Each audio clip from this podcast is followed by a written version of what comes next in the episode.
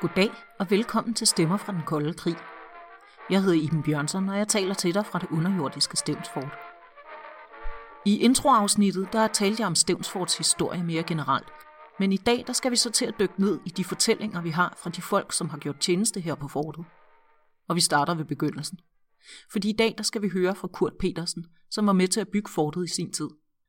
Han startede på byggeriet som civilt ansat, og ja, så blev han altså hængende – men det kan han alt sammen selv fortælle mere om. Jeg hedder Kurt Petersen, og jeg var kaptajnlønnen på Stevensfort, da jeg gik ind, mm-hmm. og var fungerende næstkommanderende har været chef på Stevensfort også. Hvad har jeg ikke været på Stevensfort? Jeg har været idrætsofficer. Jeg har været folkeværnofficer. Jeg har været uddannelsesofficer. Jeg har været næstkommanderende, og jeg har våbenofficer, og jeg har været chef. Altså fortchef? Ja. Yes, så. Ja, der er to chefer dernede, ikke chefen for Sundheds Marine Distrikt. Ja. Og så fortchefen. Men det, der er det sjove ved det, det var da jeg startede på Støvnsvognen, det var det som civil og havde intet med forsvar at gøre. Da vi startede med at bygge Stævnsvognen nede på pløjmarken, havde jeg aldrig nogensinde i min vildeste fantasi troet, at jeg også en dag kom til at sidde som fungerende chef på Stævnsvognen. Altså, jeg startede med, at jeg sejlede på AP Møller som maskinmand. Og øh, det var helt tilbage i 48. Og så tog vi til Danmark, og så fik jeg besked på, at jeg skulle være soldat. Og så var jeg inde og aftjente min værnepligt, og jeg havnede op på Sjællands Øde, og skulle så hjemsendes, og så siger chefen op, hvad jeg skulle lave. Så sagde jeg, skal ind og læse videre. Så det sjove ud af det, det var, at han sagde, vi skal bygge to forter. Et på Langeland og et på Stævns. Og var det ikke noget at komme ned og være med til det. Og øhm, så var jeg nede og se Langeland. Det var en meget sjov lang møde. Men Stævnsfort, det var meget spændende, hvor vi skulle ned i jorden og så sagde han, det er fint, jeg skal godt være der. Og øh, det, der var imponerende, det var jo, da vi simpelthen kravlede ned to sæder på klinten og arbejdede os ind og øh, gik ned forskellige steder og til sidst mødtes nede i spindelvæven nede 18 meter under jorden. Fantastisk med at sprænge sig igennem. Det, der er så sjovt, det er jo folk, de taler altid om stævnsklint og kridt og sådan noget. Øh, det har intet med kridt at gøre, det er briosekalk. Og det har den ulempe, at hvis man påvirker det med kraft, så bliver det plastisk. Så det kan ikke lide, at man slår på det så blev det blødt.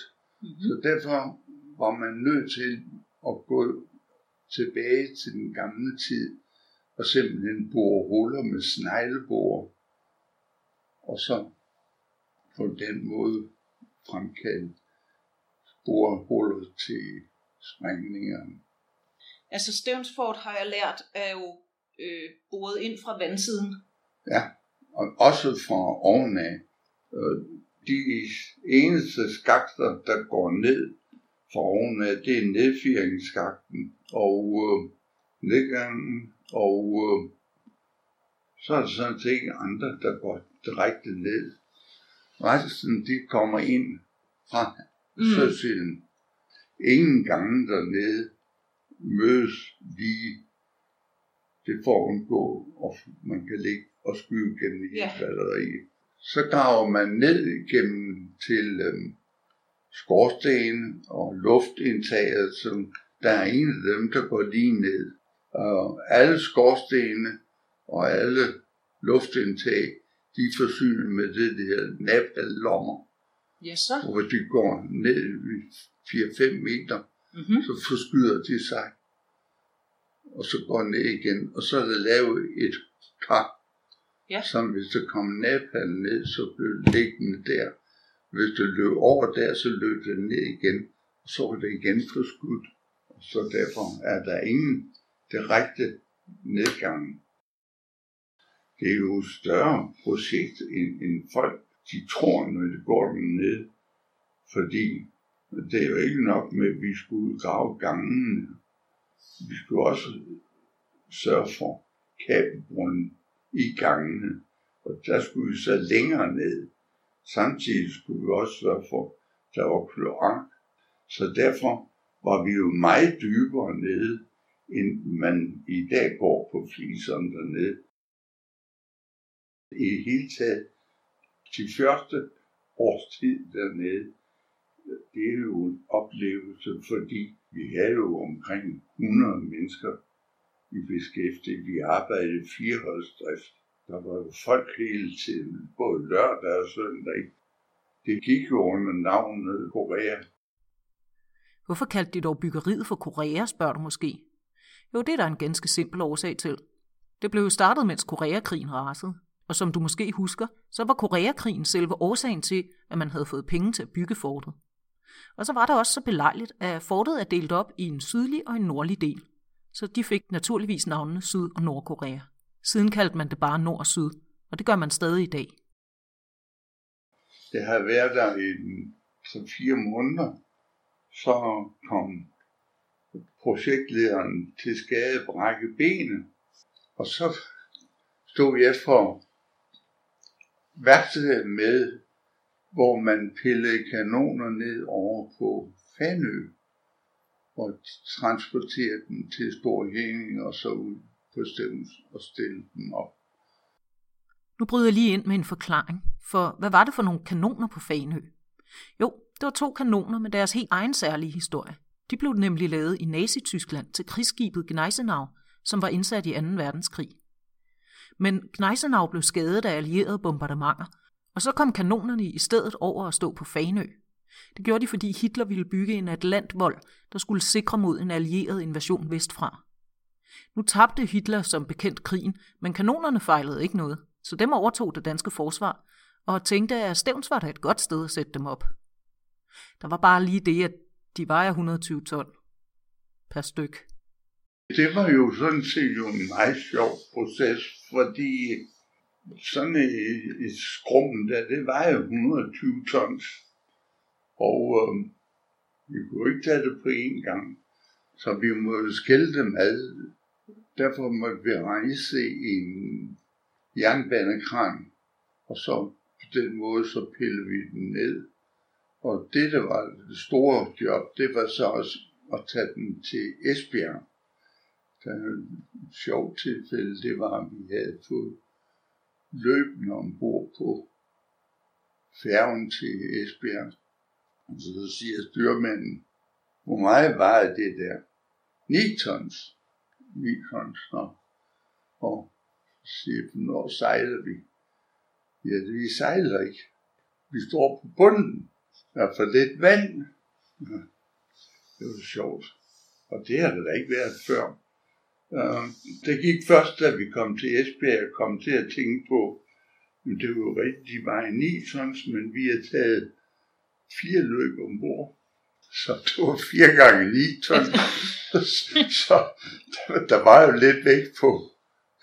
Så det var ikke alene de 9 tons, der var skyld i, at vi stod på bunden. Det var de tre andre.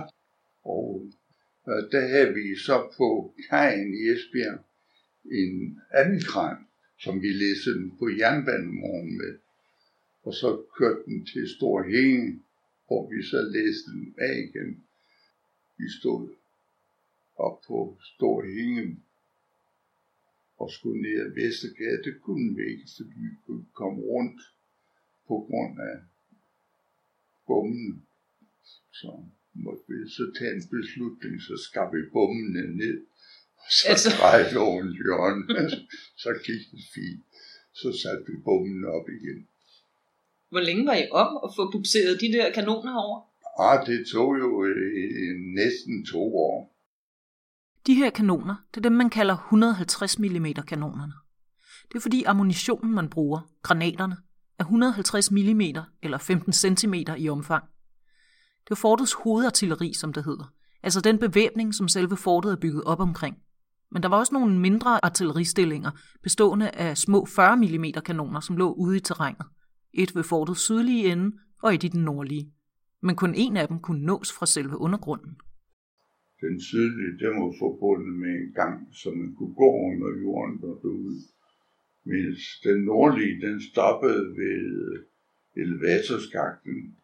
Den stoppede rent økonomisk gangen, fordi vi havde ikke flere penge. Så der skulle have gået en gang op til nord men den kom aldrig. Både 150 mm og 40 mm kanonerne kan du se på Stævnsfort i dag. Og hvis du kommer på en guided tur ind i den store kanon, vil du også kunne se et levn fra nazitiden, nemlig ørn og hagekors indgraveret i kanonens bundstykke. Fortet blev indviet i 1953, men der gik yderligere et par år, før alle installationerne var helt færdige. Udover det underjordiske fort, byggede man også en kaserne på den anden side af vejen. Der boede og opholdt mandskabet sig, når de ikke var på vagt, og her var der også messefaciliteter. Efter fortet var bygget færdigt, blev Kurt Petersen overtalt til at blive. Men nu som ansat i forsvaret, i stedet for som civil. Jo, så kom vi dertil, at nu skulle jeg jo så til at videre. Så var der en admiral, der sagde til mig, at hvad med at fortsætte i, i søværnen? Så måtte jeg fortælle ham, at jeg mente, at jeg ikke var rigtig klog. Men øhm, han fortalte mig så, at han var nu blevet admiral, så han mente, at hun godt bestemme lidt. Så måtte jeg så på skole igen, og ud og sejle, og ud af de 39 år, jeg har været i der er jeg sejlet i 17. Men kom du så tilbage til Stævnsfort efter at have sejlet? tilbage igen, det var betingelsen, det var. Og hver gang, at jeg skulle forfremmes, så har jeg måttet ud og sejle. Fordi man kan ikke have sådan en bundemænd gående i søværnet. Hvad var så dine opgaver på Stævnsfort? Ja, det var at vedligeholde kanonerne og få dem til at fortsætte med at skyde. Det gjorde jeg indtil 89, så måtte jeg ikke være så længere. Så blev det smidt ud. Det var nu heller ikke et fjendtligt sted, han var kommet hen. Den civile befolkning på Stævns tog generelt godt imod de nye naboer. Og Stævnsfort gjorde også sit til at byde lokalbefolkningen indenfor. Da fortet var blevet officielt indviet, holdt man en stor indvielsesfest for den lokale befolkning, og der blev jævnligt afholdt foredrag, læsekreds, sammenkomster og sangaftener, hvor den lokale civilbefolkning var inviteret, fodboldkampe med de lokale, og man havde sågar feriebørn på ophold.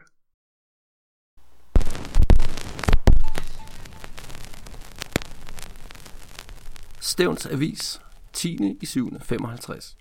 Feriebørn på Stævnsfortet.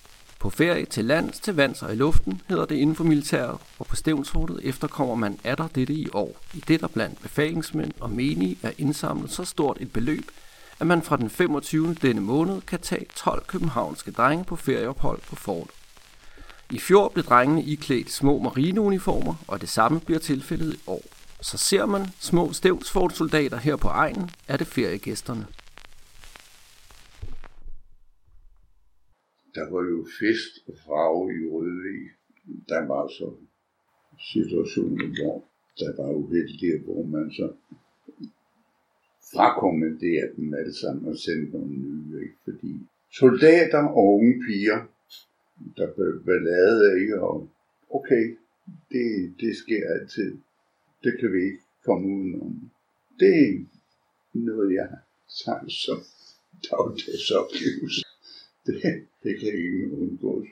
Altså, øh, forsvaret har ingen ansvar over for en konstabel liv, der er inde i søværende, når han er uden for porten.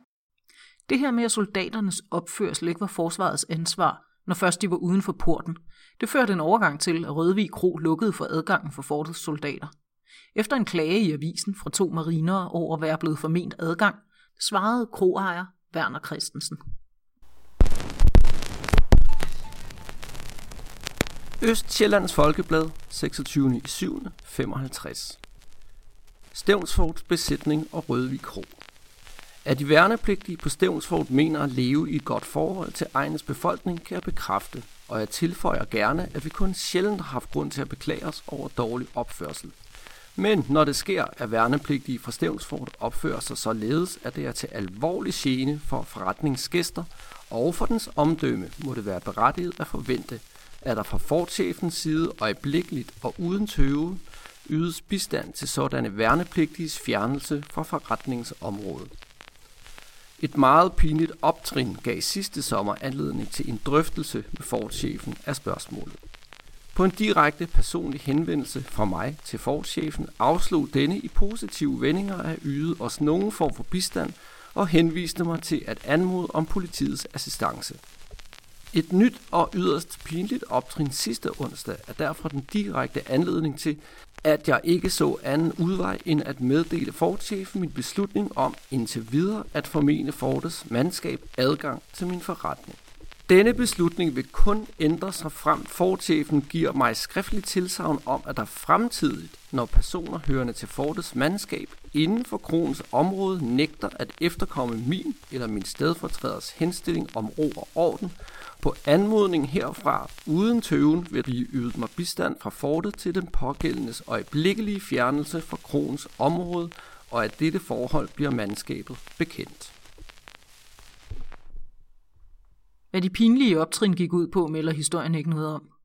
Men selvom de nye naboer måske af og til gav lokalbefolkningen problemer, så var de andre gange til stor hjælp. Østjyllands Folkeblad, 29. i 4. 57. Overfald på en ung pige i Faxe.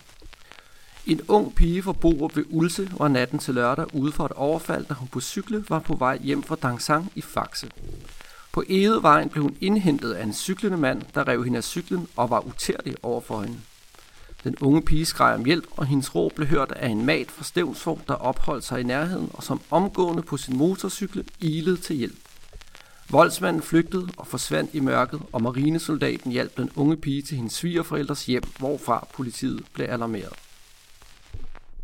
Jugt siger Kurt Pedersen, at de mest nysgerrige over for Stævnsfort som end ikke var lokalbefolkningen. Det var i stedet de her mærkelige biler, som begyndte at dukke op i området. Var befolkningen, var de meget nysgerrige?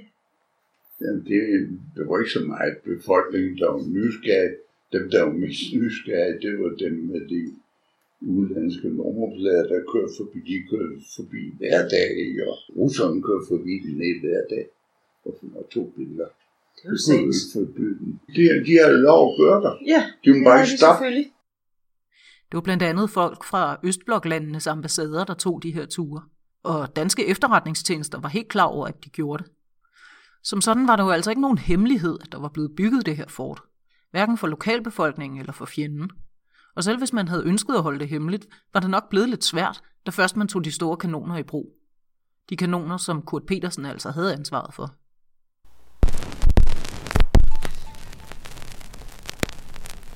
Stævns Avis, 12. i 8. 1955.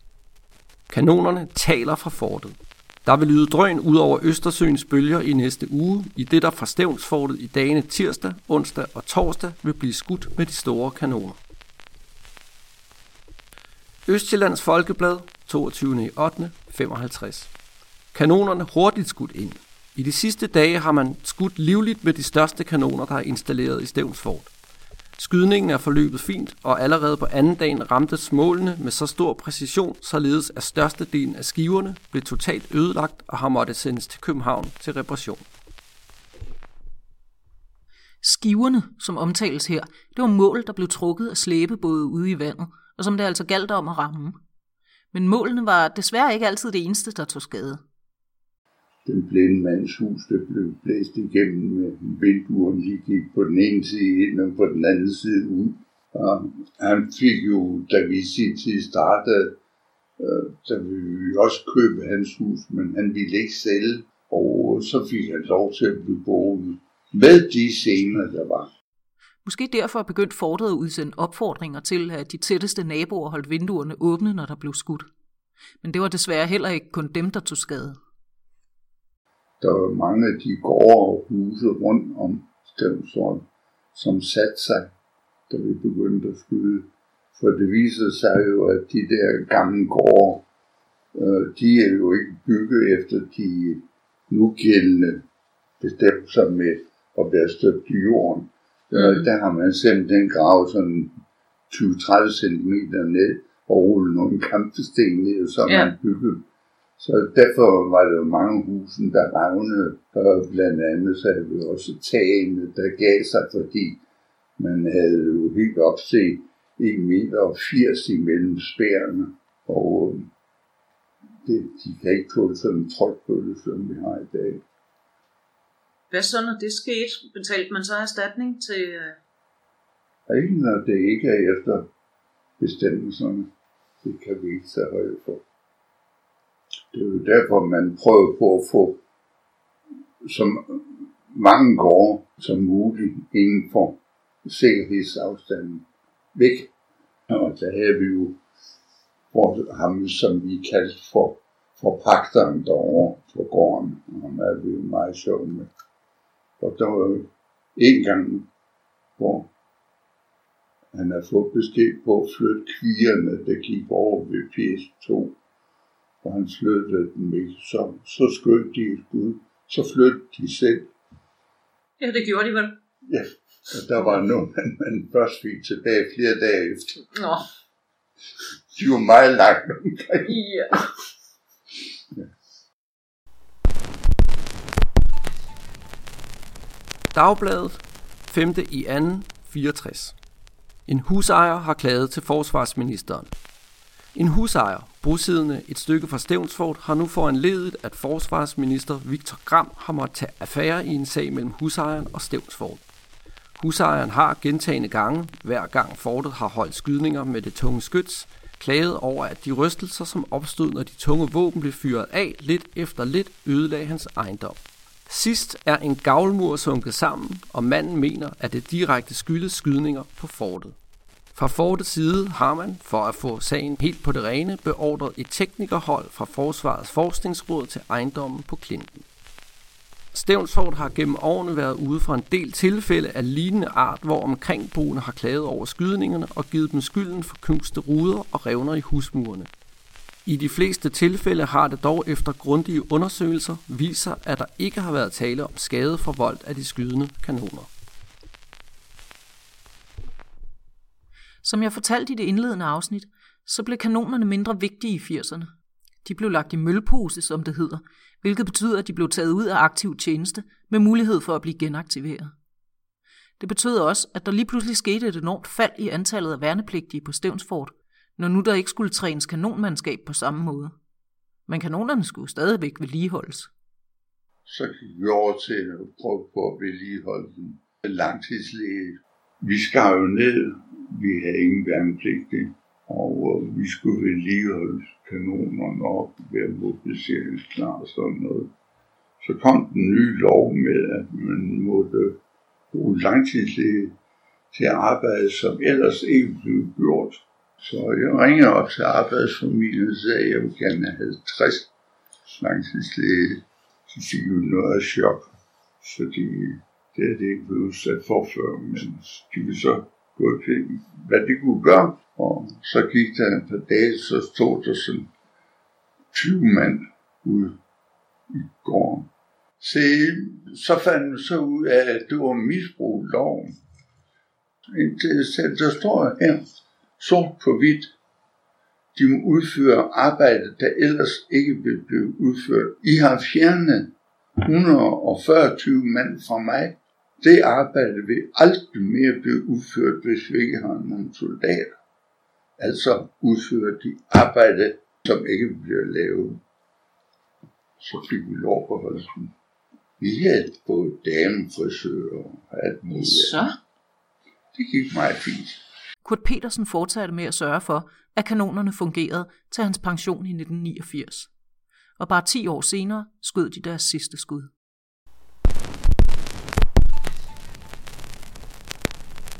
Dagbladet, torsdag 30. marts 1980. Kom til stævns med de store tyske kanoner. Kaptajnløjtnant Kurt Petersen Stævnsfort går efter 38 år ved søværnet. Nej, ikke en af de store kanoner, men jeg har haft med dem at gøre, smiler kaptajnløjtnant Kurt Petersen, mens han billedligt talt står ved lejderen for at gå fra bord efter et langt livs tjeneste ved søværnet. Med sine 60 år er den velanskrevne våbenofficer på Stevnsfort faldet for aldersgrænsen for at indtræde i de aktive pensionisters rækker. Det er ikke alle beskåret at have arbejde som hobby, men sådan har det været for mig. Det har været en æresag, at kanonerne altid har været i orden. Jeg kan ikke lide udtrykket lægges i mølpose, for det gør man kun om ting, der ikke dur. Kanonerne på Stevnsfort er konserveret. De kan bringes i skydeklar stand i løbet af et par timer. Det har vi erfaring for, når genindkaldt mandskab kommer hertil. Det var kun kort tid, så kan de deres job. Heldigvis blev det jo aldrig til mere en øvelseskud. Heldigvis. For Kurt Petersen havde faktisk oplevet krig i slutningen af 40'erne, før han kom til Stevnsfort, da han sejlede som civil maskinmand. Da jeg var færdig med at tage min eksamen, så fandt ud af, at hvis jeg nogensinde ville ud og se verden, så var jeg nødt til at, at tage ud og se den, fordi de indtægter her dengang, så kunne vi tjene til at være turist. Så derfor tog vi ud og så på verden. Og det første jeg løb ind i, det var Jean Kalsek, han ville ikke være i Kina mere. Mm-hmm. Så ham lå samlet op ude i Formosa-stræder og brændt stumper hans tropper til Formosa. Og øh, det næste, der så skete, det var, så blev franskmændene og indoneserne uvenner, og så var der krig i Indokina. Det tredje, der så skete derude, det var, så kom Koreakrigen. Så sagde jeg, nu kan det være nok. Nu har du oplevet 2. verdenskrig, og så tager du tre krige med herude. Det vil jeg ikke være med til. De krige, han taler om, det er for det første borgerkrigen i Kina, som endte med Maos magtovertagelse i 1949. Formosa er det, vi kender som Taiwan i dag, hvor den hidtidige kinesiske regering flygtede hen. Fransk Indokina er det, vi i dag kender som Vietnam. Og før amerikanerne rodede sig ind i den misære, så førte Frankrig altså også en kolonial krig i området. Sidst, Koreakrigen, som jeg allerede har omtalt. I 1949 gik jeg rundt ned i Hiroshima, og jeg var også været i Nagasaki. Og øh, havde du dengang spurgt mig, om der blev en atomkrig, så ville jeg have sagt nej. Så sindssygt vil folk ikke være. Jeg har aldrig set noget så frygteligt. Et normalt menneske vil ikke starte de show, som vi har set i Hiroshima og Nagasaki. Sådan hele? ting, som man aldrig taler om, det er jo, hvad kunne Stevens for du i grunden gøre? Det var jo ikke noget, man talte om. Der var aldrig nogen, der spurgte om det. Havde fortet kunne holde til et atomangreb Jamen, direkte? Altså, det er jo en af de ting, som man ikke skal spekulere på. Og vi har bygget et fort, øh, der kan klare en bombe af Hiroshima-størrelsen. Så kommer et spørgsmål fra mig. Det er meget godt. Hvornår kan vi komme ud? Var der nogen, der svarede på det? Jeg har aldrig spurgt. Jeg kender svaret.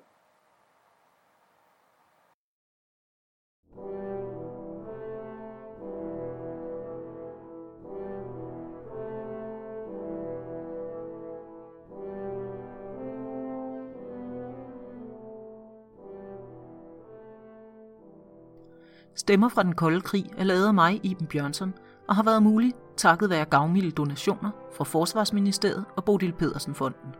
Tusind tak for det. Tak også til Kurt og alle de andre, som har sagt ja til at lade sig interviewe. Ekstra speak er Anders Knudsen. Hvis du er blevet nysgerrig og vil vide mere om fortet, og måske endda komme ned og besøge os, så kig forbi www.stevnsfortet.dk. Hvis du gerne vil have flere personlige beretninger, så anbefaler jeg bogen Stevnsfort som arbejdsplads, som kan købes i vores museumsbutik eller online, hvis du skriver til stevnsfort oesm.dk. Her kan du også købe bogen i Paddehattens skygge, som giver en fantastisk oversigt over fortets opbygning, indretning og tekniske detaljer. Stemmer fra den kolde krig er baseret på personlige erindringer, og det er ikke dem alle sammen, vi har haft mulighed for at faktatjekke. Musikken var Onkel Sammys March med The Edison Military Band og Pramdragende sang ved Volga, fremført af Kevin MacLeod. Tak fordi du lyttede med. Vi ses på fortet.